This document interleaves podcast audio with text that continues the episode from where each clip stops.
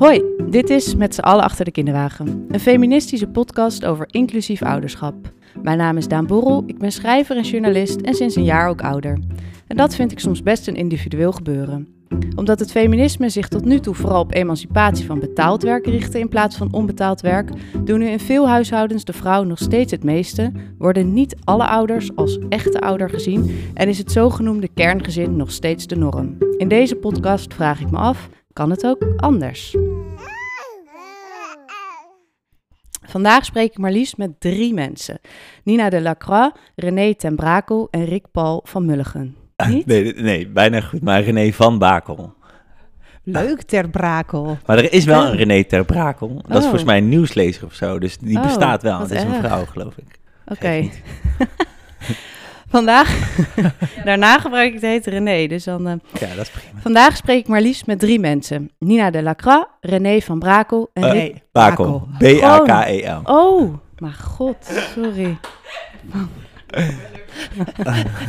Laten we dit erin. Ja, dat gaan we erin. Ja. Oké. Vandaag spreek ik maar liefst met drie mensen. Nina de Lacroix, René van Bakel en Rick Paul van Mulligen. Laat ik beginnen met het introduceren van de gastmannen, want we zitten momenteel in het huis van Rick Paul en René. René is acteur en scenograaf en onderdeel van het collectief Walden. Dat is een groep kunstenaars en denkers die installaties en voorstellingen maakt over de klimaatcrisis. En alleen de website is al prachtig. René woont dus samen en heeft een relatie met Rick Paul. Hij is acteur, momenteel verbonden aan het Nationale Theater. En hij speelde al ve- vele mooie rollen in theater, maar is ook bekend van televisie, zoals bijvoorbeeld van de televisieserie Adam en Eva en recent van Meer Soendos. Samen hebben zij twee kindjes met Nina en zij is presentatrice, cabaretière en schrijver van het boek En Nu Komt Alles Goed. Over hun co-ouderschap maakte Nina vlogs voor de website Nina Co, maar daarover straks meer. Jongens, Ja, hoeveelste keer is dat jullie hierover praten? ehm, ja, heel vaak en heel veel interviews gedaan, omdat het ja, redelijk uniek is en omdat het voelt dat, dat het iets nieuws is, zeg maar, wat nu kan. En heel veel mensen zijn daar heel erg in geïnteresseerd. En, en ja, wij, wij, wij praten er graag over. Waarom denk je dat mensen er zo geïnteresseerd in zijn? Ja, omdat het nog niet zoveel bestaat en omdat, eh, nou ja, als ik over mezelf praat, al toen ik klein was, had ik wel dit soort voorbeelden willen hebben, maar ik heb Mm. ze zelf nooit gehad. En daarom, ehm, ja, denk ik dat, dat andere mensen dat ook graag willen. En vroeger was het misschien zo dat als je homo bent, dat je dan geen kinderen meer krijgt, zeg maar van, oeh, nooit kleinkinderen, dat hoor je dan vaak moeders zeggen. Oh ja. Maar ja, het kan gewoon. Maar mensen moeten daar denk ik nog wel aan wennen dat het kan. En hoe, hoe is het dan om telkens weer over je eigen leven te vertellen? Eh, heel stom, nee. Eh, nee, ja, leuk. We doen het graag om eh, gewoon meer zichtbaarheid te geven over andere gezinsvormen. Dat het ook gewoon hartstikke goed gaat en gezellig is en leuk is. En ook moeilijk en eh, alles wat erbij hoort. Maar het lijkt me ook heel gek dat het voor jullie is dit gewoon je familie. En dan als je je toch, ja, dat je dat weer moet uitleggen of zo. Ja, dat is, ja, dat, voor ons is het natuurlijk heel normaal en Ja. gewoon. Zeker voor de kinderen. Ja, Want heel vaak wordt natuurlijk gevraagd hoe is het voor de kinderen om twee vaders. En, eh, maar ja, voor hun is het hun normaal. Die vinden alle andere gezinnen met twee ouders apart. De, maar ja, er zijn, blijven zoveel vragen bij mensen. Dus dan blijf ik ze maar beantwoorden in de hoop dat de kinderen dat later misschien minder hoeven te doen. ja, want het blijkt toch ook uit onderzoek keer op keer dat kinderen, dat echte kinderen als laatste denken van, eh, wat een vreemde situatie thuis. Ja, natuurlijk. Ja. Ik bedoel, Ja. er zijn toch ook kinderen in de Amazone die opgroeien bij eh, hele stammen Ja. waar vrouwen de dienst uitmaken. Nou, die kinderen hoor je ook niet zeggen. Nou, dat was mijn leven lang ontzettend ingewikkeld. Ja. En voor mij leek het heel logisch om jullie als drietal te vragen voor een feministische podcast. Maar voelen jullie je feministische ouders? Ja, nou ja, ik, ik heb mezelf nooit eh, als zodanig eh, gezien of bestempeld. Maar eh, nu je het dan zo rechtstreeks vraagt, denk ik wel dat wij feministische ouders zijn. Ja, Ehm, voor de jongens kan ik niet spreken, dat moeten ze dan zelf maar doen. Maar voor mezelf vond ik het wel. en vind ik het nog steeds wel heel erg mooi dat ik aan mijn kinderen kan laten zien dat je als vrouw alleen je boontjes wel kan doppen. Ik ben van niemand afhankelijk. Ik verdien mijn eigen geld. Ik heb mijn eigen huis. Ehm, en dat gaat gewoon. En ik vind het, eh, dus dat, dat vind ik wel een, uh, ja, een feministisch inzicht die ik meegeef aan mijn kinderen. Dat ik dat ko, ja, je, je, biedt ze meer ehm, mogelijkheden, bredere, ehm, een breder zicht op wat er nog meer zou kunnen. Ik weet dat Co die is nu zeven, dat hij laatst tegen mij zei, nou maar ik wil later helemaal niet samenwonen met iemand. En ik wil ook niet trouwen, ik wil gewoon net zoals jij in mijn eentje. Dat ik denk, oh wat grappig, als kind had ik dat helemaal niet. Ik, ik wist niet eens dat dat kon. Ik dacht gewoon, een mama en een papa, dat is, dat is waar je naartoe gaat. En door ons gezin geven we wel... Uh, een voorbeeld dat je het ook in je eentje kan doen. Of dat je het ook kan doen als uh, uh, homostel of als lesbisch stel. Of als welk stel dan ook. Of ja, in dat je, je zelf je keuze hebt, Ja, je hebt zelf de keuze. En ik Ja. geloof wel dat dat wel eh, redelijk feministisch is. Ja, ja in de zin Ja, van dat, ik- je het, dat, dat je het ook in je eentje als vrouw alleen gewoon kan. Ja. Nou ja, en dus alle rollen vervult jij als vrouw eh, en jullie ook als vaders ook alle rollen vervullen. Want je kan natuurlijk niet als kinderen bij jullie zijn zeggen van ja, nou, dat fysieke aspect. Dat doen we hier niet. Dat doe je niet. Dat emotionele. Dus volgens mij doorbreek je sowieso al in deze constructie, of in deze, dit familie, ja, deze, deze constructie, alle traditionele rolpatronen, toch? Ja, dat kan niet. Want nee, ja. Nou ja, je hebt natuurlijk wel mensen die dan aan ons kunnen vragen wie is het vrouwtje in de relatie, wie de man.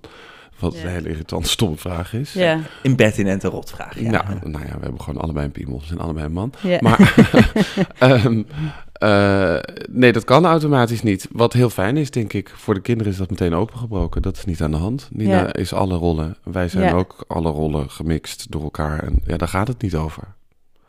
Er moeten gewoon dingen gebeuren in de opvoeding in het huis. Denk je dat je dan... doen we allemaal. Eh, Ik denk een beetje dat mijn idee, dat ik een soort romantisch idee er dan ook bij heb. Dat je dan dus doet waar je zelf het beste in bent. Als je niet dus die rollen opgelegd krijgt. Of is dat... Dat denk Ja. ik ook. Ja, Ja. dat denk ik ook, Bij ja. ons werkt dat zo, ja. Nou ja, bij jullie misschien. Bij mij is het dat ik gewoon overal goed in moet zijn. Ja. ja, Ja. dat is wel eh, dat is de, de, de, het verschil bij ons. Dat, eh, bij ons zit niet het verschil bij dat ik vrouw ben en zij man. Bij ons zit het verschil dat ik in mijn eentje ben en zij met z'n tweeën. ja. Dus, ehm, dus daarin, ja, maar dat is har- hartstikke goed mogelijk hoor. Het is wel zwaar, de helft van de week, maar het- ik bied ze volgens mij hetzelfde als wat de mannen eh, ze kunnen bieden. Denk ik, kijk ik naar de overkant. Ja, dat denk ik ook. Ja. Ja. Ja. ja, dus je vervalt eigenlijk nooit in een soort van traditionele rolpatronen... waarin jij, weet ik het, alle kleren koopt of zo. Of, Ja, maar jawel hoor. Ik bedoel, we- nee, want nu heb je meteen een voorbeeld waarvan ik denk, oh ja, Oh ja, daar, dat zit ik, ja, daar zit ik wel iets meer maar op. dat is dan misschien maar dat is eerder, eerder omdat je het heel, daar goed in bent of het leuk vindt. Ja, omdat ik gewoon een control freak ben en dat ik eigenlijk heel veel dingen regel. Maar dat heeft meer met mijn persoonlijkheid te maken dan met mijn vrouwelijkheid. Ik ben gewoon iemand die, die eh, Ja, het is karakter... niet dat wij geen mening hebben over de kleding. En ik koop ook wel eens niet. kleertjes. En ik, het is niet dat ik een zak kleren krijg en denk, oh, oké. En dan, dan trek ik het aan. Weet je, wij vinden daar ook dingen van. En ik snap ook wel wat er mooi uitziet en wat Ja. niet. Maar dat is inderdaad volgens mij meer persoonlijkheid. Dat jij dat fijn vindt om te doen. Ik zit gewoon meer achter de dingen aan. Ik hou van schemaatjes maken en ik hou van eh, eh, weten wanneer wat is. En, en eh, de jongens iets minder. Dus ik zit iets meer achter de dingen aan. En ik vind sneller dat de kinderen naar de kapper moeten. En ik vind sneller dat de ja. nageltjes geknipt moeten worden. Maar ik heb niet het idee dat dat heel erg... Ja, maar ik heb niet het idee dat het heel erg door mijn vrouwelijkheid komt. Maar meer Nee. door mijn gigantische eh, control-achtige karakter. Oké, en, en wat ik dus ook dacht, is eh, waarom het feministisch zou zijn, of in mijn ogen waarom jullie constructie feministisch is, omdat ik het idee heb dat er meer intimiteit wordt gecreëerd dan bijvoorbeeld bij een eh, traditioneel hetero gezin. Omdat er meer banden komen, snap je? Omdat de familie groter is. Terwijl je dit zegt, is een lid van de familie aan het huilen. Er loopt hier een Oh, hondje ja. rond. Ik denk misschien is het goed om te zeggen als de luisteraars denken, wat is dat? Ja. Er, er is nog een lid van de familie. Maar meer intimiteit, hoe, hoe, hoe bedoel je dat precies? Nou, dat ik vaak ehm, een beetje het idee heb met ehm, traditionele hetero-gezinnen dat het een beetje gesloten is. Zo van eh, wij zorgen alleen voor elkaar ehm, en slot op de pot of zo. En dat ik dan denk, bij jullie worden er meerdere wanden, snap je? Een beetje dat Pipi Langkous gezin waar jij het, Rick Paul, waar jij het af en toe over hebt. Dat iets- Kakelbond. Ja, precies. Ehm, Dat er meer mensen of meer lijntjes of zo. dat het een breder gedragen... Ja, Ja, dat is wel zo, denk ik. Er is ook veel meer familie natuurlijk. ja. Ook meer opa's, meer oma's, meer... Wij hebben bijvoorbeeld in het leven van Co en ook Bowie, maar Co leeft langer, hebben we nog nooit een oppas gehad. Nee. Nog nooit. Dus we hebben altijd eh, elkaar. En of- niet de principiële overtuiging, niet. maar gewoon dat het niet nodig is, omdat we inderdaad zo'n breed groot netwerk hebben met z'n drieën. we, we en überhaupt vragen- met z'n drieën. Ja, we vragen altijd elkaar eigenlijk. En eh, als wij niet kunnen, dan hebben we allemaal opa's en oma's. En allemaal eh, tantes en ooms en vrienden die ook inmiddels gewoon zo erg bijna bij het gezin horen of zo. Dus En het is sowieso denk ik bij gedeelte ouderschap dat je gewoon maar de helft van de tijd het kind hebt. Of wij hebben dan een 50-50 verdeling. En dat het je dan met werk aannemen en zo toch veel meer rekening houdt met... oh, maar die dagen hou ik echt vrij. Terwijl als je gewoon een fulltime baan hebt en fulltime kinderen, zeg maar... dan is het echt een ander verhaal. Dus wij plannen wel echt veel Ja. meer om de kinderen heen... en proberen echt heel erg rekening te houden met wanneer ze er zijn... en die tijd heel ja, zwaar te investeren, zeg maar. Of, Ja. of heel een soort, ja, daar echt op in te zetten. ja, want dan heb je dus in je vrije week, zeg maar, kindervrije week, Ja, eh, daar Dan- prop je al je ja, werk in, precies. eigenlijk. Ja, en je sociale... ja, daar, ja. ja. Ja, wij doen eh, halve week, halve week. Ja. Dus eh, eigenlijk is het heel helder voor je agenda van oké, dit zijn de kinderdagen. Dus ik weet dat ik op zondag, maandag, dinsdag gewoon geen werk aanneem. En dat, dat communiceer ik ook gewoon naar eh, de opdrachtgevers en naar eh, de mensen met wie ik werk. Van ja, dat zijn gewoon mijn kinderdagen. Ja, dat is natuurlijk een enorme luxe. En de andere dagen ben ik oprecht helemaal vrij. Want dan zijn ze hier en eh, kan ik dus avonds werken, s ochtends werken, 's middags werken. Ik heb nog een sociaal leven. Dus dat, eh, dat scheelt enorm. Maar het is dus ook voor de kinderen een groot voordeel. Want die hebben dus altijd eigenlijk een van ons. En als niet, dan meteen een direct familielid of een Ja. directe familievriend. Dus ja, dat is, ja, dat is een En is het ook wel eens dat dan bijvoorbeeld een ouder van jou of jou bij jou komt oppassen? Ja, Jij bent afgelopen weekend bij mijn moeder geweest. ja, zeker. Ja, Oh, we zijn echt wel close met elkaars familie ook. Ja. Ja. Ik ga zo meteen met de ouders van Rick Paul en mijn moeder... gaan we dan naar de voorstelling van René kijken op Oerol. Ik ben Wow. dit weekend inderdaad naar de moeder van René geweest... met mijn moeder en het eh, eh, neefje van eh Co en Bowie. Dus nee, het is allemaal wel goed, ge- goed gemixt. Jullie wonen praktisch naast mijn zus. Ja. Dus ja, nee, we zijn wel... Onze beste vrienden wonen hiernaast, die ook veel oppassen. Het is wel één grote groep. Echt familie. Ja. It takes a village. Nou, dat is zeker waar, ja. En, en, en laten we heel even teruggaan naar het begin. Want jullie kinderwens begon apart, toch? Het was niet dat jullie elkaar al kenden en dachten... Wie, wie wil vertellen over het begin? Eh, ja, ik wil vertellen over het begin. Ja. Ja, ehm, Rick, Paul en ik hebben altijd een kinderwens gehad. Of in ieder geval heel lang een kinderwens gehad. Of ik misschien nog meer dan Rick Paul. ja. ik heb eigenlijk vanaf dat ik zelf een kind was, dacht ik aan, oh ja, ik wil gewoon vader worden. Mm. Gewoon, ja, toen ik acht was, denk ik, toen wist ik dat al wel. Ehm, en dat is eigenlijk altijd zo gebleven.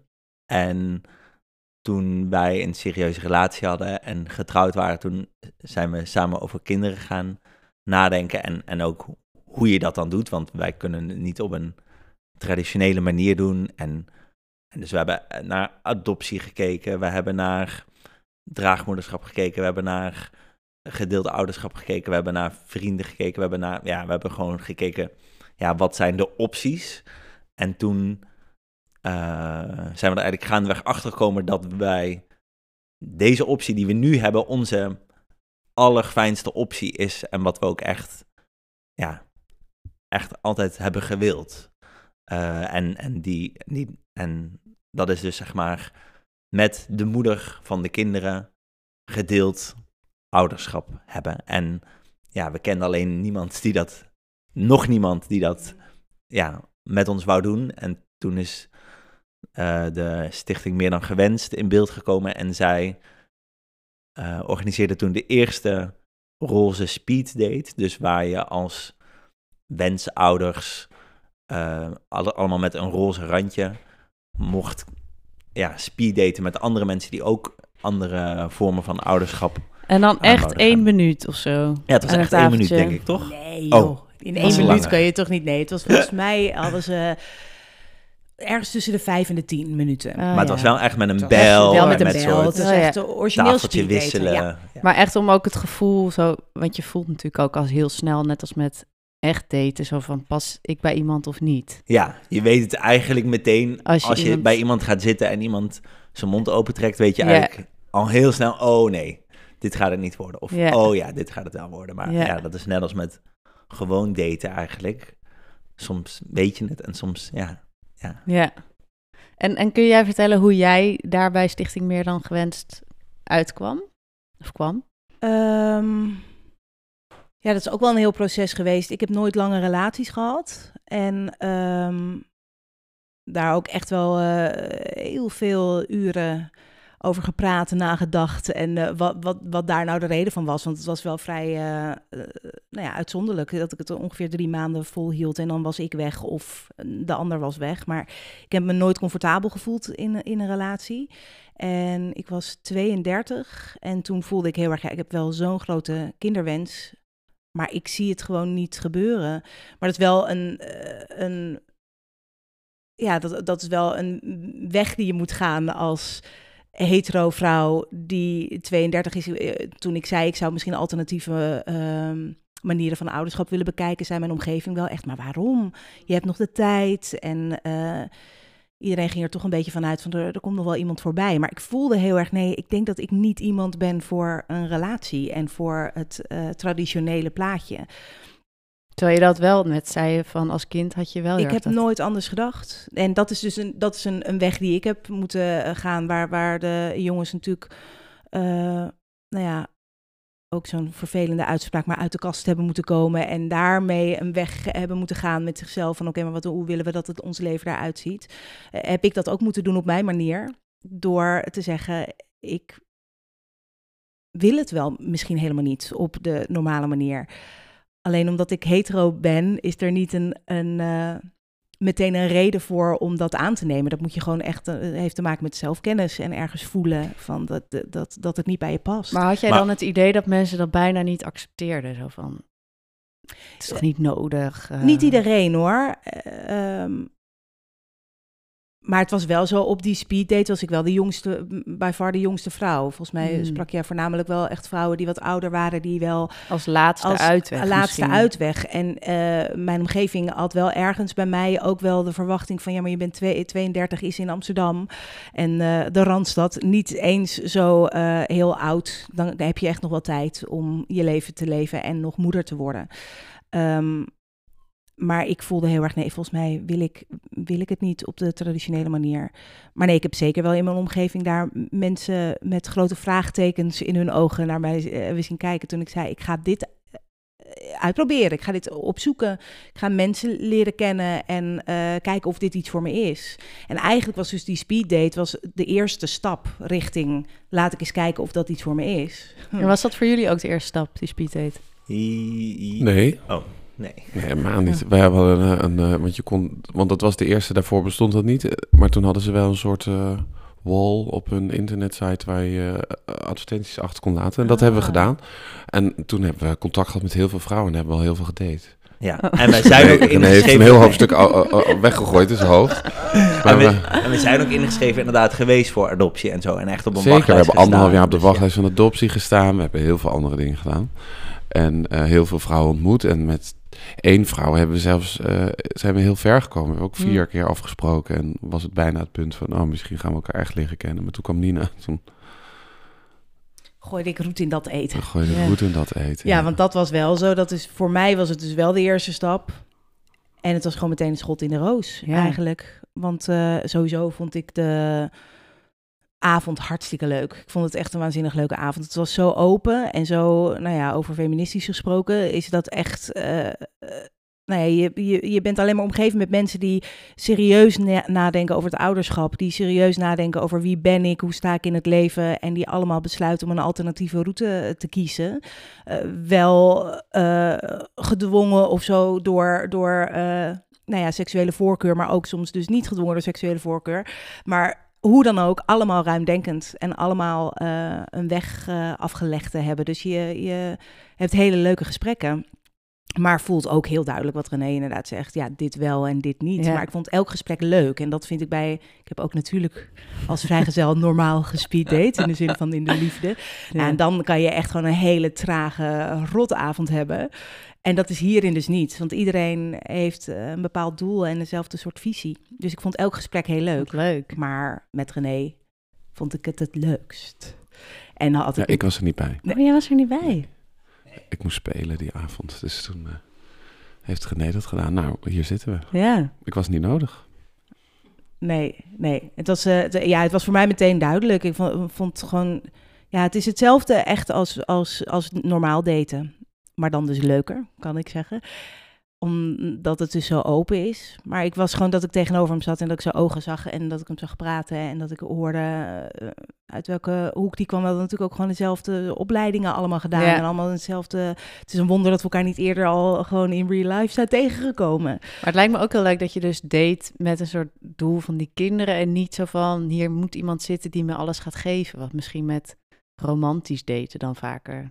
Zeker. Maar het is ook daardoor misschien nog wel kwetsbaarder. Want ehm, kijk, op het moment dat je afgewezen wordt in de liefde, dan kan het ook zijn, ik voel me niet tot je aangetrokken of eh, ehm, nee, iets, iets, iets platters dan dat, zeg maar. Of ik, ik kan me niet voorstellen dat ik met je- jou naar bed ga of zo. Mm. En hier gaat het over ouderschap. Ja, iets, iets dat, dat is zo. eh, wil ik me. Ja, dat is Mm. echt een grote vraag. Dus het is ook wel, want ik weet dat ik die avond meteen een mailtje heb gestuurd naar. eh, naar jullie, want we, eh, ze hadden helemaal een Gmail-account aangemaakt. Hoe heette dat nou ook alweer? Voor dit. Hoe heten jullie nou ook alweer?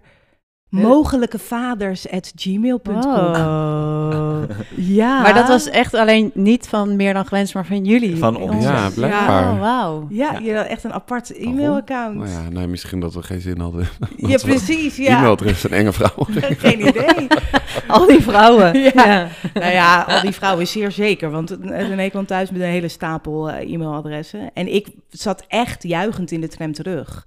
Dat ik dacht, Je voelde gewoon, ik dit voelde is gewoon, het. ik wil dit zo, ik Ja. wil zo graag in ieder geval hun beter leren kennen. En ook Rick Paul eh, Ja. leren kennen, want ik wist dus dat hij getrouwd was. Dus ik heb meteen die avond een mailtje gestuurd. En toen hebben ze me twee dagen laten wachten. Hmm, En ik weet wel, ja. En ik weet wel dat in die twee dagen heb ik me bijna kwetsbaarder gevoeld dan als ik een jongen die ik leuk vind een appje stuur. Wauw, ja. Dat je echt voelt, maar, maar eh, alsjeblieft, weet je echt, ja, het, het voelde heel spannend. En was, dat, was er dan ook eh, dat je voelt met je buik bijna zo van, ja, dit is wat ik wil. En dat je hoofd dan ook meteen gaat zeggen van, maar eh, is dit het dan echt? nee, ik voelde gewoon puur en alleen Helemaal. maar, ik wil dit. Wauw. Ja, ook door de avond, wat ik net zei. Dat Ja. ik ineens voelde... Het is gewoon alsof je, alsof je de hele tijd in een heteronormatieve eh relatie... Maatschappij, zeg maar, een andere kleur hebt gehad. Ja, maar dat je is gewoon ineens- ook de hele wereld is natuurlijk ingedeeld op, dat, soort traditionele huwelijk Ja. met man en vrouw. En als als alleenstaande vrouw of als homogezin of ja, dat, dat is er is zo weinig representatie wat dat betreft. Ja. En op je school en in alle boeken en in alles wat je op televisie zit is en het mannetje, alles is vrouwtje, het kindjes. mannetje, vrouwtje, kindje zeg maar. Dat is echt zeg maar het voorbeeld zo lang geweest. Ja. Dus, het is ook normaal dat je, dat je dus daarin... En dat, da- daarin heb ik me natuurlijk ook gewoon heel lang ook eh, gevoegd... en ook gedacht dat ik dat ook moest doen. Dus eigenlijk was die avond een soort van eye-opener... van alsof je ineens bij allemaal mensen bent met dezelfde kleur. En eh, eh, dat is... De, nou ja, dat- alsof, alsof je dus inderdaad gewoon je, je gelijkend bent tegengekomen. En dan ben ik ook nog eens een keer iemand tegengekomen... die ik daadwerkelijk heel erg en aantrekkelijk en intelligent en leuk vond. Dus je denkt, oh, maar dit zou het... Ik voelde gewoon alsof ik, eh, alsof ik op mijn plek viel. En daardoor ging het wel ineens heel hard. Ja, want hoe ging, het, hoe ging het dan daarna? Jij mailde hun en toen? Dan heb ik twee dagen moeten wachten. Twee dagen. Hebben we vaak moeten horen. En toen gingen we afspreken met z'n drieën voor het eerst. Want ik had die natuurlijk nooit ontmoet. En dat was meteen heel leuk. Dat ging meteen ratel de ratel. Waar was dat twee. dan? Weet je dat nog? Ja, bij, eh, hoe heet dat nou? Peking, Peking. Ja. Op de Herengracht. Nou, Vijzelgracht. Vijzelgracht, Hoek, Herengracht. ja, ik ben niet gek. Maar, Ja. En dat was heel leuk. Daar kwamen volgens mij alle drie vandaan. Helemaal enthousiast. En, eh, en toen zijn we gaan daten. Soms wel vier keer in de week. En eh, alles samen doen. Weekendje weg samen. Ouders Vakantietje ontmoeten. samen. Ouders ontmoeten. Gewoon het, alles maar een beetje afvinken. eh, en bespreken. Wat je belangrijk vindt in het leven. Wat je, hoe je denkt over opvoeding. Hoe je denkt over kinderen. Hoe je denkt over het leven. Politieke partijen. Gewoon alles wat je kan verzinnen om erachter te komen of je echt eh, geen grote problemen gaat tegenkomen. En na een half jaar eh, vonden we het wel genoeg geweest. Toen gingen we al proberen zwanger te worden. En het lukte binnen drie keer. En eh, nu is Co bijna acht. Zo. Het lijkt me... En word je dan ook eigenlijk een beetje verliefd met z'n drieën? Ja. Ja, dat was een hele... Want het was in het begin van de zomer, dat, of eind april of zoiets, dat we elkaar eh, leerden kennen. En die hele lente-zomer was één grote high. Van, eh, onze, onze omgeving vond het heel tof, maar was ook, wow, wat gebeurt er allemaal bij jullie? En eh, volgens mij zijn we in september bijna begonnen.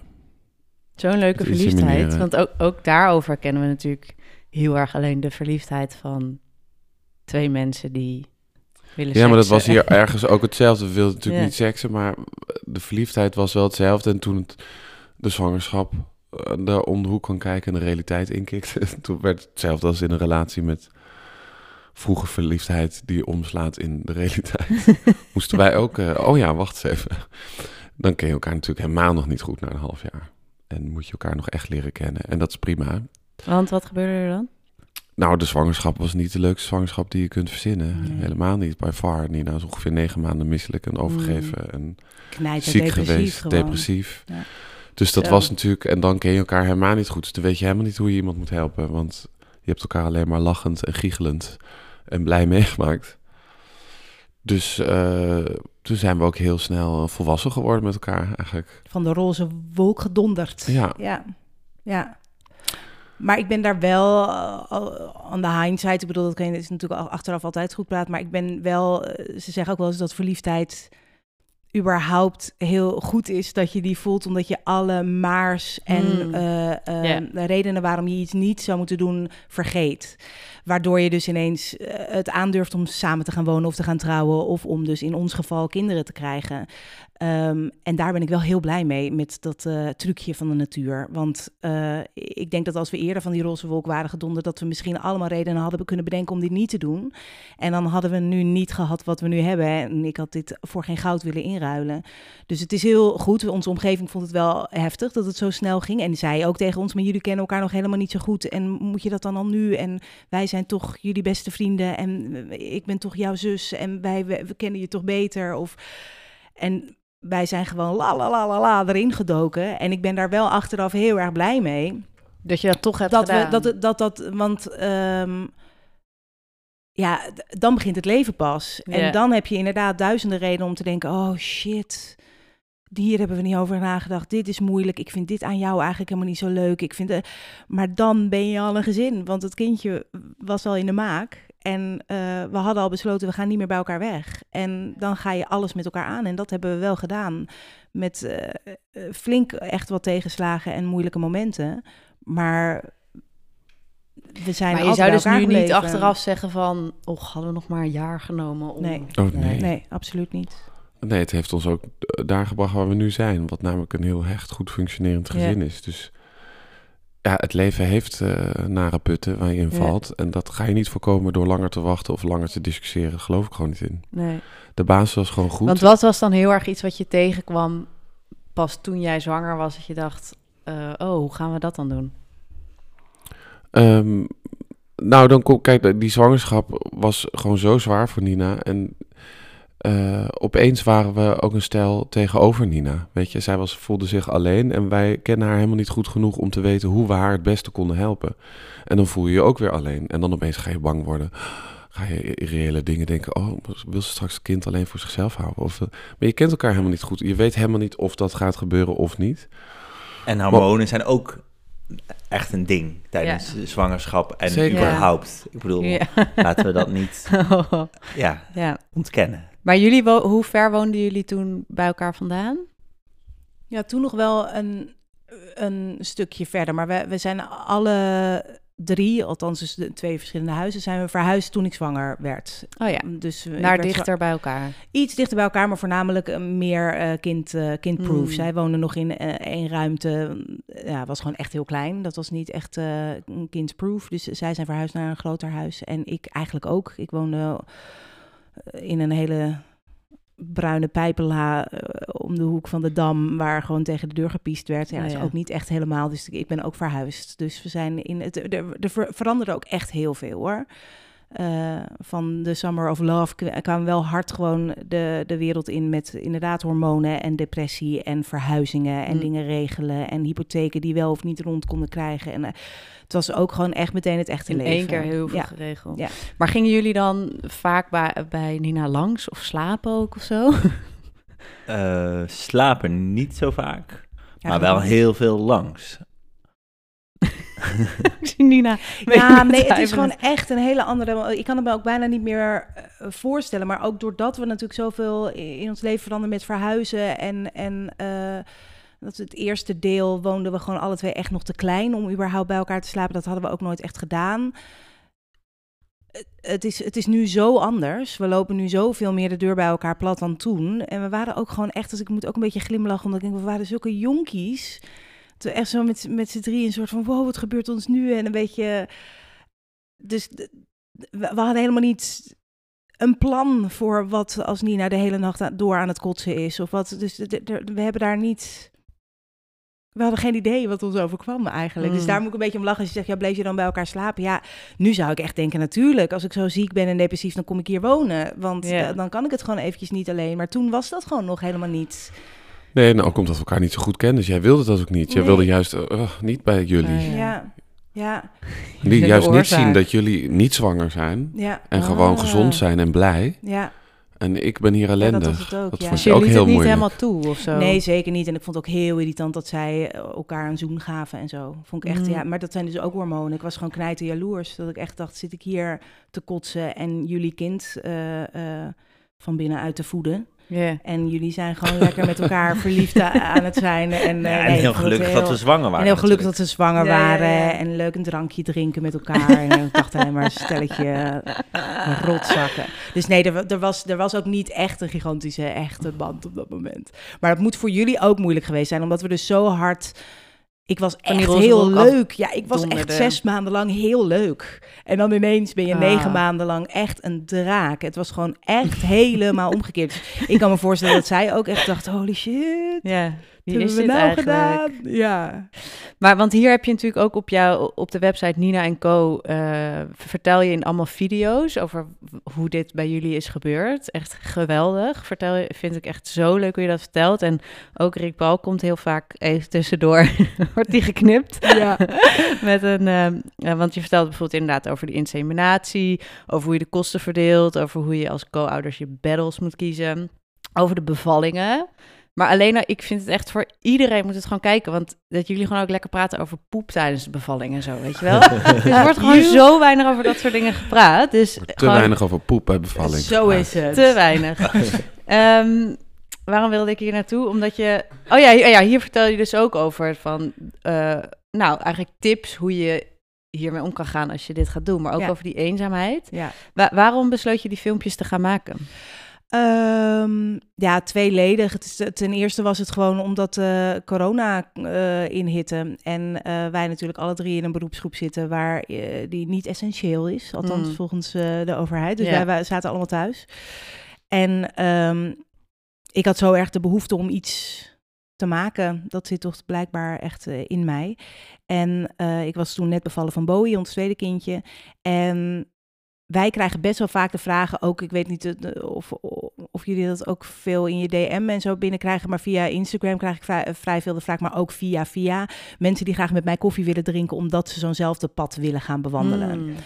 En ehm, op een gegeven moment voelde ik heel erg, oh ja, dat kan ik Op. niet de hele tijd blijven doen. Want eh, sowieso vind ik het moeilijk om mensen te adviseren, omdat ik heel enthousiast ben over deze gezinsvorm. Maar voor hetzelfde geld zeg ik tegen iemand, doen, doen. En wordt diegene daar heel ongelukkig in. Dus Terwijl het- diegene misschien wel zit te wachten nog uiteindelijk. Bijvoorbeeld, of dat ze net niet de juiste hebben, hebben gevonden of zo. Dan voel ik me te verantwoordelijk voor. Maar ook dat ik elke keer weer hetzelfde verhaal aan het vertellen was. En dat ik dacht, ja, maar hoeveel fijner zou het zijn dat als ik eh, iemand vraag... hey, hoe hebben jullie dat toen gedaan met insemineren? Dat ik gewoon kan zeggen, filmpjes even. Ja.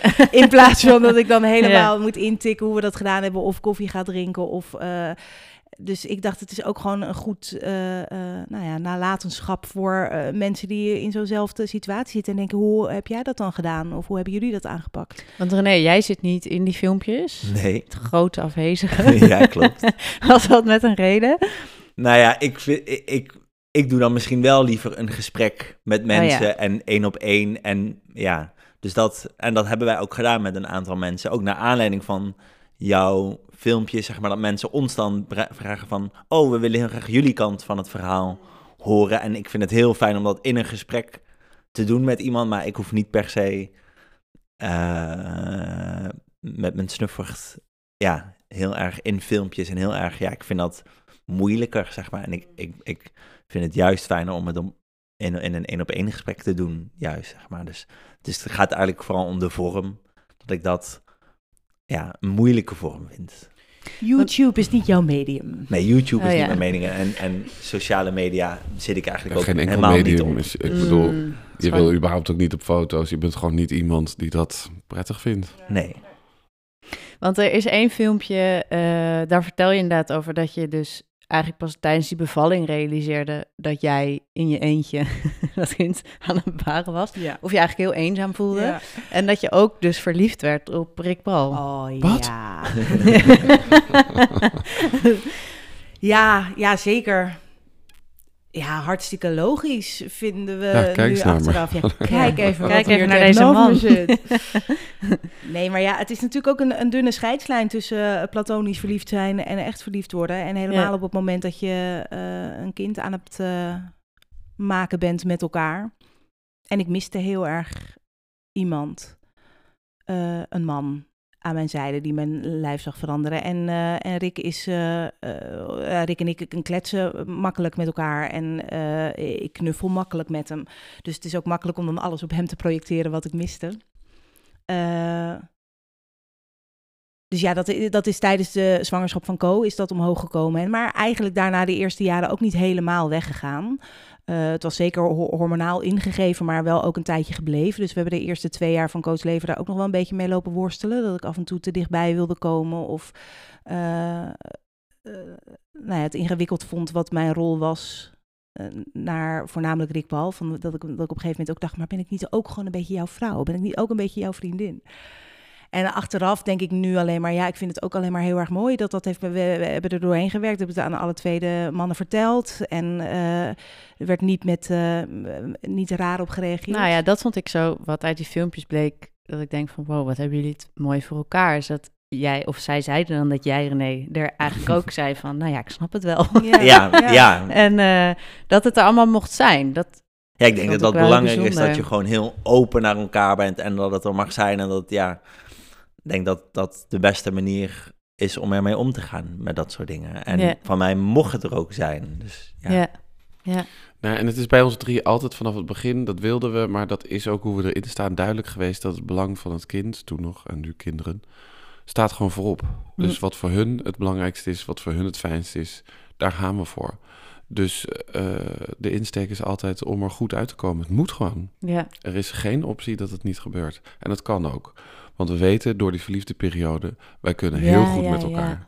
Ja. Dus we moeten gewoon niet zo zeuren en er doorheen werken en veel praten. En dan komt alles wel weer goed. En dat blijkt ook iedere keer. Ja. Maar je moet het gewoon doen.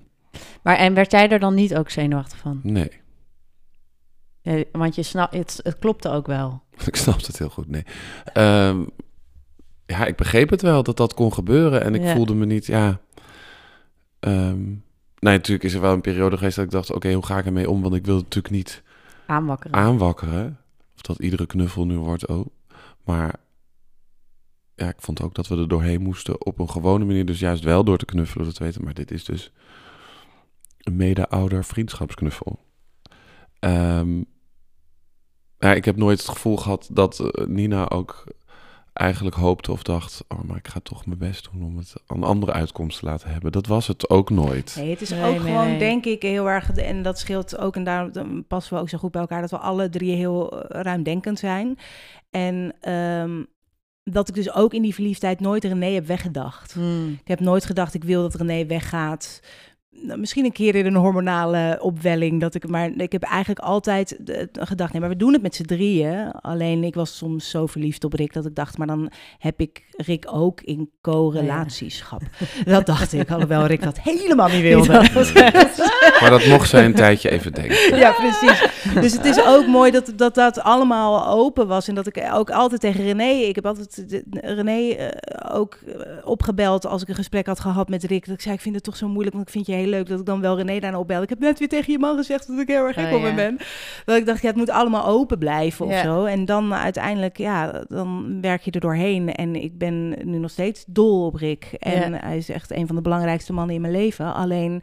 eh, Verliefd, dat niet meer, meer. ja, ja, niet meer verliefd. Nee, nee. En dat, dat, maar ja, ik vind het ook mooi dat ik dat wel geweest ben. Ja, Ja. ik vind het niet. eh, Nou ja, en heel mooi dat je dus deelt in die filmpjes van dat je eigenlijk van tevoren niet had verwacht dat jij dus die eenzaamheid zou ervaren. Nee. En die behoefte toch aan met iemand nog dichterbij zijn. ja, Maar wat ik begrijp, heb je dat nu veel meer met iedereen. hoe bedoel je? Nou, omdat je net zei in het begin was het niet per se dat ik dacht ik ga daar, ik ga daarheen, terwijl ik het idee heb dat je nu wel voelt van ik kan daar altijd Ja. zijn. Maar dat is dus ook iets waar we. Ja, want nu lo- logeer je hier wel en kom je Ja. iedere week eten. En het is nu, wat dat betreft, zien we elkaar misschien meer Ja. juist Ja, dan... En we zijn meer familie geworden. Ja. Ja, Dus meer, het is meer gewoon. ja. En in het begin was het toch misschien nog dat we, weet je, eh, je opgeprikte zelf soms voor elkaar eh, Ja. liet zien. Omdat Ja. je nog het gevoel dat je je best moest doen voor elkaar. En dat is gewoon af, inmiddels na acht jaar. Ja. En dat is gewoon door dus de hele zwangerschap en de twee jaar daarna waren gewoon echt wel heftig. En hebben we wel alles eh, uitgezocht met elkaar. En, en ook een beetje de balans opgemaakt. Wat is gezond voor ons? Hoe vaak we elkaar zien en hoeveel. nee, dat, Ja. En dat is uitzoeken geweest. En dat hebben we nu echt wel uitgezocht. Het is nu echt al jarenlang dat er geen. Nee, het is totaal niet ongemakkelijk. Ik ben hier gewoon thuis. Zij zijn thuis bij mij. Eh, we zijn een gezin en eh, de kinderen staan echt totaal centraal. Dat, dat helpt ook, dat er gewoon kinderen zijn. Ja, Ja, ja, ja, ja, en dat het niet alleen maar om gaat ons gaat. ja. Ja, ja. Hey, en je vertelde net dus over de hormonen tijdens eh, de zwangerschap en daarna. Eh, dat sluit wel aan, want deze aflevering heeft ook een sponsor, namelijk Gut Woman. Dat is G-U-U-D, een online platform dat als doel heeft de menstruele gezondheid mainstream te maken. En dat doen ze door het verbeteren van de kennis over de menstruatiecyclus en hormonen. Dus op hun website kun je terecht voor allerlei informatie. Maar je kunt ook terecht met vragen die ze gratis beantwoorden. Dus ze geven ook support. Maar ze, of en ze verkopen ook supplementen om klachten rondom die menstruatiecyclus te verlichten. Want 90% van de vrouw ervaart die. Ehm, en ehm, ik vind dat wel eh, een goed, goed ding. Want ik wist ook, ja, ik schrijf in mijn werk veel over hormonen ook en die menstruatiecyclus. Maar die kennis daarover is er gewoon zo weinig. En jullie denken nu natuurlijk eh, dat het niet over jullie gaat. Maar mannen hebben dus ook een cyclus. Eh, dat las ik ook op- op hun website. En jullie hebben natuurlijk testosteron. Of mannen hebben testosteron. Maar die wordt dagelijks aangemaakt in de nacht. En 's ochtends word je wakker om 7 uur. Of je wordt niet altijd wakker om 7 uur. Maar om 7 uur is die op zijn hoogtepunt. Eh, en vanaf daaraf wordt het eh, de hele dag iets minder. En dan tussen 7 uur s'avonds en 9 uur s'avonds is zeg maar op zijn op zijn dieptepunt. Dus het schijnt ook dat mannen dan misschien iets prikkelbaarder zijn. Ik weet niet of jullie dat herkennen. En vrouwen hebben natuurlijk een maandelijks ritme. Dus die werkt met eh, oestrogeen en progesteron. Ehm, eh, waarin ook je energielevel heel erg kan verschillen. En ik dacht, ik wil het wel, aangezien we dus die sponsor hebben, ook hebben over eh, of die cyclus dus invloed heeft op je ouderschap.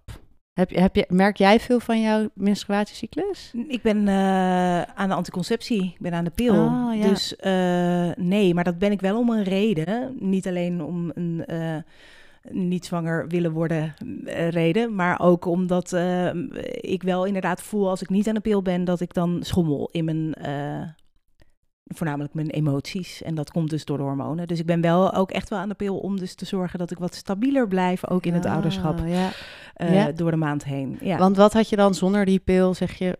Was dat je ik dus wel echt stabiel? zeker een week voordat ik ongesteld werd, humeuriger was. Hm. Minder, eh, minder rek had. Dus dan was ik wat, kort, wat kortaffer naar de kinderen of naar eh, mijn omgeving. En eh, was ik iets chagrijniger en zag ik de boel iets minder zitten dan En nu heb je dat week daarna. minder. Nu heb ik het eigenlijk niet. Oh ja. Dus niet om je sponsor nu meteen helemaal Ah, nee. eh, onnodig te maken. Ga allemaal aan de pil. Ja, precies, gaan we aan de pil. Maar voor mij werkt dat. Maar voor heel Ja. veel, want ik adviseer dit heel vaak aan, aan vriendinnen die dus ook schommelingen hebben in hormonen. Maar dit werkt echt niet, voor iedereen. Nee, want Sommige voor mij mensen, werkt de pil niet. Precies. En m- bijvoorbeeld mijn zus ook, die, ze- die wordt er juist heel erg nadig van. Weet je wel? Juist hormonaal van De de, hormonen van de Ja. pil. Dus eh, nee, het, het is niet voor iedereen een uitkomst. Dus dan zou dit Maar het is toch ook grappig dat we daar ook niet meer over hebben van hoe dat... Ik kan bijvoorbeeld, als ik ongesteld moet worden, die week daarvoor juist heel erg dicht bij mijn kind willen zijn. Oh, Maar ja. denk ik, oh, het is gewoon eigenlijk gebruik ik haar gewoon nu lekker voor die, weet je wel, die lichamelijke Ja. liefde, die soort bevestiging. En als ik dan helemaal ongesteld ben en dan daarna weer zeg maar naar mijn high ga, dan Ja. ben ik echt zo van, nou kind, je kan, je kan het toch allemaal alleen.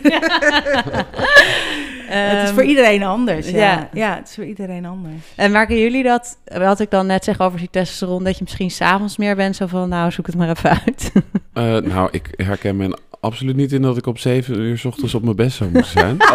Jij echt niet, nee. Maar wij zijn allebei heel anders. Haat Ik ben juist opstaan. half zeven 's ochtends Oh, ja. spring ik uit mijn bed en Oh, Dus ben ja. jij voldoet misschien wel Ja, aan ik het het wel plaatje. aan. En ik heb ook 's ochtends meer zin in seks bijvoorbeeld dan s'avonds. Oh, zeg ja. maar. Ik ben wel echt een soort Ja, ochtendmens. Ik sta Ja. meteen aan en, en, en gaan, zeg maar. Dus Ja, en jij bent s'avonds tussen 7 en 9 s'avonds is natuurlijk totaal het kinderspitsuur. Van Ja. naar bed brengen in bad en weet ik veel wat. Dan ben jij behoorlijk prikkelbaar. Vind ik het meest prikkelbaar op, eh, op het moment van de dag. Dus eigenlijk vind ik dat jij voldoet aan dit ja, schema. ik ja. voldoe aan deze Ik daarentegen. Ik ben eerder andersom. Dus Oh, ik weet ja. niet of ik lekker zit in mijn testosteron. Misschien moet jij toch eens naar je laten kijken.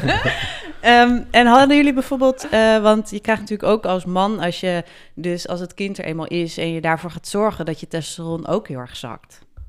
Hebben jullie dat gemerkt? Nou ja, het doet wel on- onwijs veel met je. En ik weet niet of dat hormonen zijn, maar ik denk het eigenlijk wel. Dat, ja, dat, dat, dat je gewoon meegaat in die soort... Want testosteron zorgt ervoor dat je niet wil zorgen. Of wat? Ik weet Ja. nooit zo goed waar testosteron, ja, testosteron voor is meer op ambitie eh, gericht en dus het Ja. is echt zo Ik heb niet zoveel geregeld. testosteron dan. Nee, dat, je. eh, dat als je, als je een kind krijgt, dat die dus bij vrouwen en mannen, zolang je maar zorgt eigenlijk, dat die eh, omlaag gaat. Ah. Dus dat je Nou, meer ruimte hebt om... Jawel, ik weet nog Oh. wel heel goed, toen Co werd geboren, toen ging het dus heel slecht met mij, wederom de depressie. En ehm, toen hebben de jongens dus wel echt een stapje naar voren moeten doen in, de, in de, het zorgen voor Co. En ik weet nog wel dat toen op een gegeven moment Rick naast mij zat en dat hij zei, ik herken mijn eigen man niet meer terug. Hm. Ik weet niet meer wel, eh, hij, hij, hoe hij, en toen zei hij over René dat hij alles, het, Rick zei van ik hoef ook bijna niks te doen. René die zat op en die is aan het praten en aan het voorlezen. Dan had we lag ko op zijn borst en dan was hij aan het voorlezen uit een boek. En de luiers en de, en, en de rompertjes, hij deed gewoon alles. En Rick zei, ja, ik, eh, dat had ik helemaal niet verwacht bij René. Zo zacht en zo... eh, dus ik weet nog wel echt zo'n Ja. moment dat jij echt zei, jezus, René Ja, nee, dat was zeker. In de kraamtijd was dat een grote... Ja, ja. Heel anders. Maar en dat weet ik van mezelf ook nog wel. Hoe zacht je wordt. Of hoe je inderdaad voelt. We zijn allemaal een knuffelbeheer. En, En al het andere is niet meer belangrijk ook. Dat is, nee, ja, Dus- alles is weg. dus alles dat maakt klopt. niks Alle uit. andere ambities gaan- zijn weg. eigenlijk. Maar dat is na een paar weken wel weg, toch? Ja, bedoel, dan komt het echte leven wel weer binnendruppelen. Nee. En dat het dus ook met de biologie weinig van doen heeft. Namelijk omdat één van ons twee natuurlijk maar de biologische vader is.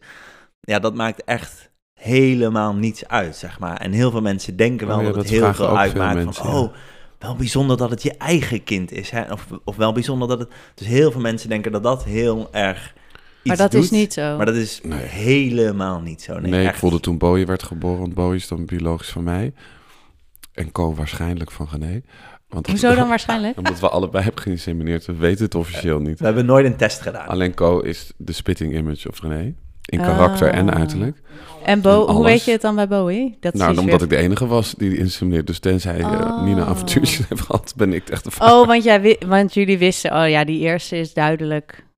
van René. Ja, Ja. Oh, dus toen dacht je niet, we gaan met de tweede weer een soort van... Nee. Nee, ook omdat ik dat helemaal niet fijn vond hoor, tijdens de zwangerschap. Om niet te weten Oh, van wie ik zwanger wie. was. Dus dat Ja. was gewoon... eh, eh, Nee, dat was een mooi romantisch idee, maar uiteindelijk niet zo praktisch. Nee, uiteindelijk gewoon niet zo praktisch. En het blijkt dus nu ook dat juristen en zo allemaal, die, die hierin "Wat doe je?" gespecialiseerd zijn, Ah. zeggen moet je niet doen. Het is Ah. ook gewoon een erfelijke ziektes en allemaal dat soort dingen. Het is allemaal Ja. gewoon goed om te weten al voordat het kindje er is, wie de biologische vader is. Geen tip. dus dit het is is geen tip. tip. Nee. Luister. En omdat, nou ja, toen een code eruit kwam, was het al meteen, ja, we hoefden niet eens... Nee, eh, het was te meteen toen hij Het was geboren meteen werd toen hij geboren werd, was het gewoon, eh, gewoon één René. op één Oh, René. En nu nog steeds. Dus we dachten, ja, we kunnen wel een DNA-test gaan doen, maar waarom zouden we dat doen? Want eh, we durven ons het leven ervoor te geven. En toen hebben we wel besloten de tweede dan eh, alleen Rick eh, eh, te laten insemineren, omdat dan nou ja, alle genen op alle mogelijke manieren met elkaar gemengd zijn. En dat vonden we Maar mooi. het maakt geen verschil uit, zeggen jullie. Nee, nee, dat wat vond ik. Ik vond het vooral ook nog wel een beetje spannend. Ik dacht, oh, stel je voor dat ik Mm. Eh, nu opeens veel meer voel. Maar ik voelde me juist eerder schuldig toen Boje werd geboren, omdat ik dacht, oh, ik vind Co veel leuker. Maar, en dat is inmiddels natuurlijk helemaal niet meer Nee. zo. Maar nee, ik voel, het, ik voel het gewoon echt niet een verschil. Ook dat soms lijkt zij een beetje op mij en dat zie ik dan wel, maar dat doet me ook niet zoveel. Of in ieder geval niet zoiets van dat ik er warm van word. Ja, en ja, denk, dat je denkt... jeetje, oh, ze lijkt op mij. Ja. Oh, wat hou ik van je. Nee, dat heb, ja, ik voel het gewoon echt niet. Dus dat is inderdaad geen biologische... Fijn ook, ben ik blij mee. Maar heel veel mensen denken daar anders over. En Ja. vragen mij, Als in fijn voor jou dat je nu ook je eigen kind Oh, hebt. ja, ja, ja, Zeggen ze ja. dat tegen mij. Of, Verschrikkelijk. ja, Nee, maar ik hoor die twijfel ook wel bij mensen die, die dus over, over dit zo nadenken om het zo te doen, dat ze ook twijfelen van ja, misschien voel ik dan wel niet genoeg. Nee, maar ja, Maar had, je- hadden Het- jullie van tevoren maar die... het is toch ook de- een soort... Een onbewust besluit, zodra dat kind eruit komt en in je armen wordt gelegd, dan heb Ja, je dan ben je de ouder. Jij bent Daar van mij, ik ga voor Ja. jou zorgen. Ga ik toch niet, als een baby vroeger per ongeluk is verwisseld in het ziekenhuis, je komt er nooit achter en je hoort het als hij 40 is, ah, ik voelde Ja. al zo weinig voor hem de hele leven. Dat is toch ook niet zo? Je, het is, je gaat voor het kind zorgen, jij hoort bij mij Ja. en dan is het zo. Ja, het Want is het- echt een valse mythe die echt gewoon niet waar is. Nee, Ik heb ook een vriendin met twee kinderen. De een lijkt sprekend op haar en de ander sprekend op haar man. Het is echt niet dat ze meer houdt van het kind wat sprekend op haar Nee. lijkt. Zo werkt het niet in het Nee. ouderschap. Nee. Nou, heel goed. Ehm, even kijken. Het leuke is dus dat we een code hebben, namelijk Daan Borrel, aan elkaar allemaal kleine letters, waarmee je 15% korting kan krijgen op die supplementen die ze dus verkopen. Maar het is wel heel belangrijk om te zeggen dat zij en ik ook echt niet geloven dat als je die slikt, dat het dan allemaal eh, alles verbetert, terwijl je bijvoorbeeld wel elke dag alcohol of zo blijft drinken. Dus je moet wel je levensstijl aanpassen, zoals wat je eet en hoe je beweegt, als je iets wil veranderen aan je menstruatiecyclus. Ehm, ik, eh, ja, want jullie zeggen dus al van dat, dat werd vaak door andere mensen. ehm, die denken dus wel dat je misschien meer voelt en dat je meer voelt als biologische vader. Zijn er nog meer dingen die van de buitenwereld dat je voelt van dat dat misschien een voor, voordeel is over het homovaderschap? Ja, we krijgen wel best veel vooroordelen en dat eh, mensen hebben tegen ons gezegd, oeh, dan maak je wel een heftige keuze hè, voor zo'n kind. En ja, Welke mensen zijn dat dan? Dichtbij of ver weg? eh, ja, ook betrekkelijk dichtbij ook, zeg maar. Dus het is niet, ja, Ja, dichtbij zijn collega's van werk, maar niet Oh, ja. vrienden of zo. Nee. Of, of je ouders. nee, nee. Nee, Onze ouders, zijn- eh, onze ouders zijn dan nee. weer een soort blij verrast dat ze dat nooit meer hadden gedacht op het moment dat ik uit de kast kwam. Dus dat ik dan nu kinderen, ja, dat vinden ze alleen maar briljant. Maar eh, ja, mensen zijn gewoon. Het is vooral mensen eh, in een traditioneel patroon van man, vrouw en hetero. Denk je gewoon niet over de dingen na, want het hoeft niet. Je kunt gewoon zwanger worden als het lukt en je krijgt kinderen en alles gaat. En zodra het dan anders is, dan denken mensen dat daar dus consequenties aan verbonden zijn. Niet- Zoals? nou ja, dat het dus niet goed is. Dus het tegen- Mm. omdat wij twee mannen zijn, is het dan... Oeh, maar is het niet slecht voor een kind dat het geen vrouwelijke Hmm. Eh, liefde of aandacht krijgt of zo? Dat soort Dus het gaat heel erg mensen. over de ideeën die mensen hebben over mannen en vrouwen. Dus. Ja. Ja, eigenlijk Ja. wel heel erg. Maar ja, inmiddels is dat veel minder. Hè? Dit is vooral toen we Nina leerden kennen, toen Nina zwanger was van Koen het begin. Dan durven mensen nog heel erg hun twijfels op te roepen. Maar ja, nu zijn we gewoon een functionerend gezin met een kind van acht en twee. Ja, moet je Ja, maar durven Ga zeggen. je niet van- zeggen, oh, ze zien er ook wel een beetje gemankeerd uit. Nee, ja. Dan heb je gewoon het bewijs de hele tijd naast je dat het natuurlijk allemaal gewoon hartstikke losloopt en goed gaat.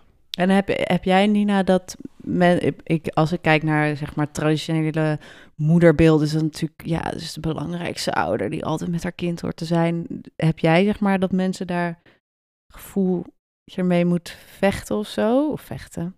Mm, nee, e- eigenlijk niet. Maar dat komt ook omdat uh,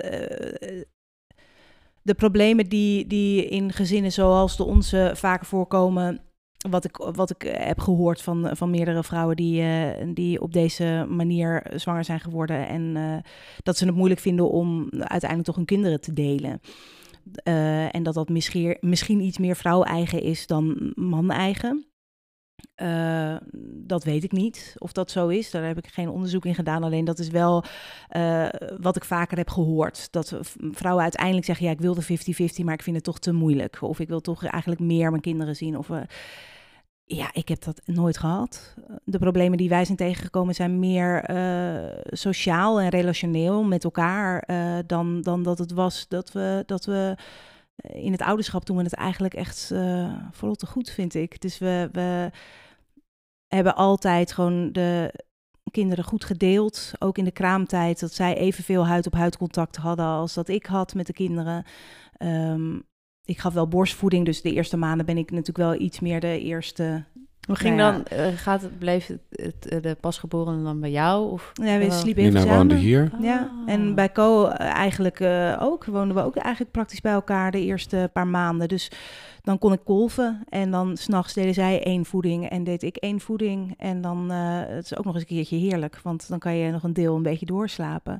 Maar het is waanzinnig belangrijk dat de kinderen ook uh, natuurlijk evenveel bij de vader zijn als bij de moeder. En dat is iets wat ik nooit echt helemaal heb begrepen, dat dat... Uh, um, voor moeders moeilijk is. Omdat ik denk, ja, maar je geeft je kind toch juist een goede basis. Als je in co-ouderschap gaat opvoeden, dan geef je toch juist de goede basis om ze vanaf dag één echt te delen. En niet als een soort van moederkloek erboven te hangen. Wat echt niet wil zeggen dat we daar nooit... Ik bedoel, de eerste nacht dat Bowie volledig bij de jongens ging slapen... heb ik echt wel gehuild. Maar ja, dat is waar je dan even doorheen moet. Ja, dat is, dat is de keuze die je gemaakt hebt. En waar je dan als man ook normaal op moet reageren. Ja. En dat begripvol over moet zijn. Ja, dus... Weet je, en als het niet gaat, dan doe het niet. Doe het morgen. Weet je, ja, Ja. je moet ook allemaal niet zo uh, Nee, niet, Ja. niet te zwaar maken. blijven praten. Ja, precies. Dat is Ja, want dat is jullie eh, ook de grote tip, toch? Van die APK. Ja. Vertel daar, wie wil daarover vertellen? Nou, we doen maandelijks, uh, als het lukt, een APK. En dan, uh, dan bespreken we alles over de kinderen, waar we tegenaan lopen bij elkaar. Wat we anders willen in opvoeding, scholen, weet ik het. Gewoon alles wat je tegenkomt. Waardoor altijd de angel eruit is van moeilijke dingen. En daar zijn we naartoe, hebben, zijn we naartoe gegroeid. Maar dat is iets waar heel veel heterostellen bijna jaloers op zijn. Ik dacht, oh, dat zouden wij ook moeten doen, want we praten nooit over dit en dit en dit. En alles is daardoor bespreekbaar en alles uh, is, ligt op tafel. En dat is heel fijn. Niks gaat uh, gisten, rotten, borrelen. Alles is, uh, wordt besproken. Ook moeilijke dingen. Het zijn soms hele moeilijke avonden. Met huilen en, tra en, tranen en weet ik veel. En soms hele gezellige avonden waar we niks hebben te bespreken. Maar je laat er gewoon niks liggen. En ik denk dat dat is wat we tijdens de zwangerschap van Co en de eerste twee jaar uh, nog niet hadden geleerd. Dat je, dat je het, dat je het allemaal uitspreekt. En dat je dus ook een moment hebt om het uit te spreken. Want uh, nou ja, wederom, ik denk niet dat dat te maken heeft met gender bij ons, maar gewoon met mijn karakter. Ik ben echt heel erg van het, van, van het veel praten en alles willen delen en alles willen benoemen. Alleen, ik kon dan af en toe niet een moment vinden, snap je? Dat je dan ergens denkt, ja, dan ga ja. je dan zitten en dan willen zij eigenlijk een filmpje kijken en dan moet ik weer, nou, luister, ik wil eigenlijk toch nog. Even en dan was ik praten. bang dat zij er geen zin in hadden. Ja. Of dat, Ja, of uh, met een kind op de arm is ook precies, niet handig ook om niet iets handig. gevoeligs te bespreken. Nee, nee, dus het was echt zo dat, dat uh, en dat, daar kwamen we dus na, nou ja, drie jaar achter dat we elkaar kenden van hé, hey, maar volgens mij is het goed om één moment te kiezen. En te zeggen, oké, okay, maar dan houden we het, ja, dan houden het echt vrij. De kinderen Ja. liggen in bed. En wij, ja, en wij gaan gewoon. en dan weet je ook dus dat, ja, ja, en dat, dat is gewoon heel fijn. Want dan weet je, oké, dan kan alles gezegd worden. En dan uh, is het weer opgeruimd en uh, schoongeveegd. En dan is er weer ruimte om weer nieuwe rommel te creëren. Die we dan de volgende keer weer. Uh, ja, zo, zo gaat dat. En ik vind dat echt. uh, Het werkt heel goed. Heel en, en het is niet altijd makkelijk. Je moet alsnog heel veel praten, is niet makkelijk. Ja, want het klinkt nu allemaal uh, als heel aantrekkelijk en jaloersmakend. Nee, maar je moet er wel voor gaan zitten. Je moet Ja. echt, echt zeggen wat je denkt. Goed, dat, maar dat je- merk ik ook in mijn eigen relatie. En daar deel ik natuurlijk ook het ouderschap. Is als we dat niet doen, dan wordt het een, een puinhoop. Ja, Mhm. maar dat gebeurt Terwijl natuurlijk ook heel wel bij veel mensen. Pijnlijk. Ja. Een puinhoop. ja, dat denk ik wel, ja. ja, dus daarom nogmaals, kijk die filmpjes. En ik heb net gehoord dat ze misschien ook wel een podcast gaan beginnen. bij deze, officieel gezegd. Ja, dat we, dat we daar eh, mee bezig zijn. We moeten even Ja. kijken op wat voor manier. Maar eh, ja, dat lijkt ons fantastisch, ja. Wederom dan Rick, Paul en ik voornamelijk aan het woord. En dan eh, kunnen we René misschien af en toe inbellen voor een... eh, Zijn eigen rubriek, Ja. waarin je gewoon zelf kan bepalen wat hij zegt. Precies. Ja, ik zeg gewoon ja of nee. ja. Ehm, ik zie dat we alweer meer dan een uur hebben gepraat. Ehm, dit was alweer de laatste aflevering van Met z'n allen achter de kinderwagen. Of in ieder geval van het eerste seizoen. Want ik hoop dat er nog een tweede komt. Nog meer feministen aan het woord over ouderschap. Ehm, we hadden eigenlijk in dit eerste seizoen ook nog een gesprek met theatermaker Adelheid Rozen en twee doula's staan uit haar documentaire Doula's van de Stad. Kijk die documentaire vooral, staat op NPO. Want die zogenaamde doula's zijn namelijk vrouwen in de stad Amsterdam die onbetaald zorgen voor anderen, als moeders dus eigenlijk. En zo creëren ze, zegt Roze, een female economy. Met de doula's en Adelheid, die dus zelf, of zij heeft zelf geen biologische kinderen, wilde ik graag praten over hoe je ouder bent voor iemand die je niet verwekt hebt en in je buurt leeft. Ehm, hoe creëren we dus een samenleving waarin zorgen voor de ander aantrekkelijker is? Hopelijk dat gesprek en nog veel meer anderen in het tweede seizoen. Voor nu heel veel dank voor het luisteren naar deze podcast. Ik vond het erg leuk om te doen. En Doris Vervuurt die me hielp ook. Dank aan Good Woman voor het sponsoren van deze aflevering. En aan de Tolhuistuin voor het lenen van hun apparatuur.